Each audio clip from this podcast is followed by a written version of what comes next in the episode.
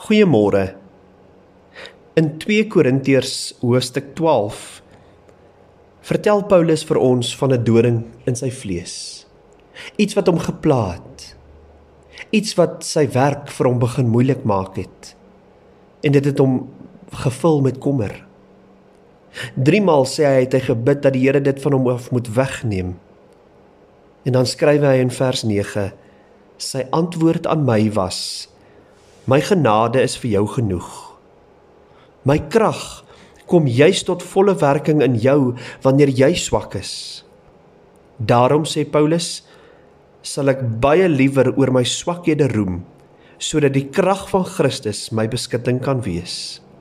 Daarom is ek bly oor swakhede, beledigings, ontberings, vervolging en moeilikhede ter wille van Christus. Want as ek swak is, dan is ek sterk. Op 'n ander plek in die brief van die Filippense hoofstuk 4 vertel hy weer vir ons van 'n klomp ontberings, moeilike tye waardeur hy gegaan het.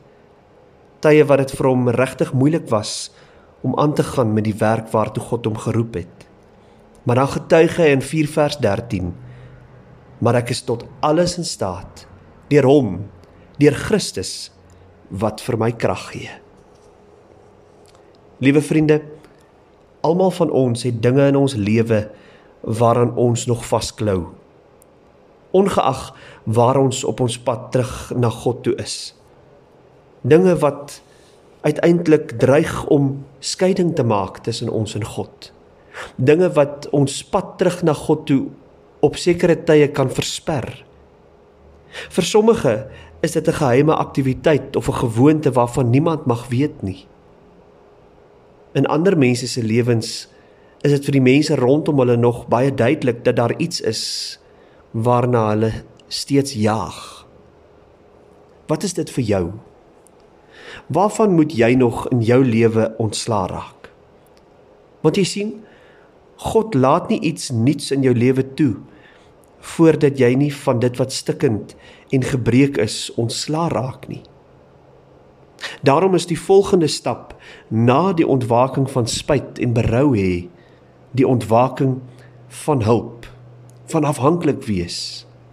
Jou belewenis, jou ervaring van totale nederige afhanklikheid van God. Van God se genade, sy krag, die vryspraak en vergifnis, die verlossing wat hy bewerk en dat jy uiteindelik besef dat die oorwinning oor al hierdie dinge alleen in hom lê. Hierdie derde ontwaking, liewe vriende, bring ons uiteindelik baie baie nader aan God. Want dis in hierdie fase wat ons besef dat ons hierdie nuwe lewe van bekering, hierdie nuwe lewe waartoe God ons roep, nie op ons eie kan leef nie. Ons het hulp nodig. Ons het hom nodig. Om weg te beweeg van al die vernietigende keuses en hulp te soek, moet ons verstaan is nie in hierdie proses 'n teken van swakheid nie. Inteendeel. Daarom sê Paulus, ek roem eerder in my swakhede want as ek swak is, dan is ek sterk. Ek is tot alles in staat deur Christus wat vir my krag gee.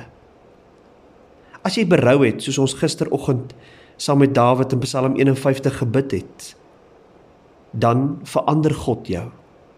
Dan is jy uiteindelik anders. Want daardeur bely jy uiteindelik jou afhanklikheid van God.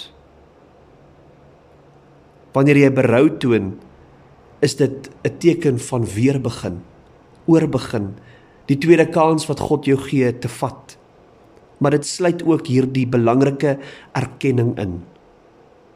Ek het hulp nodig. En dit lei tot hierdie spesiale tyd van verkoeking by God. Van rus in die wete dat God se genade vir jou genoeg is. In Matteus 11 vers 28 kry ons hierdie wonderlike uitnodiging van Jesus as hy sê kom na my toe almal wat moeg en oorlaai is en ek sal vir julle vrede en rus gee.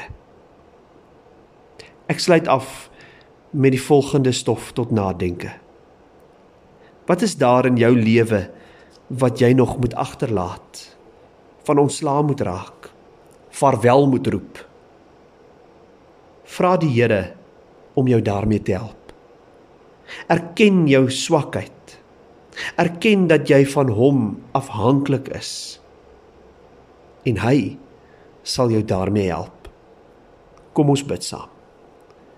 Ons troue God en Hemelse Vader, Vanoggend bid ek vir elkeen wat op hierdie fase van van berou is. Ek bid vir elkeen wat in hierdie tyd van afhanklik wees van U is op hulle weg terug na U. Dis 'n baie belangrike tyd, Here. En ek wil vra dat U vir hulle sal help om hulle afhanklikheid van U te erken.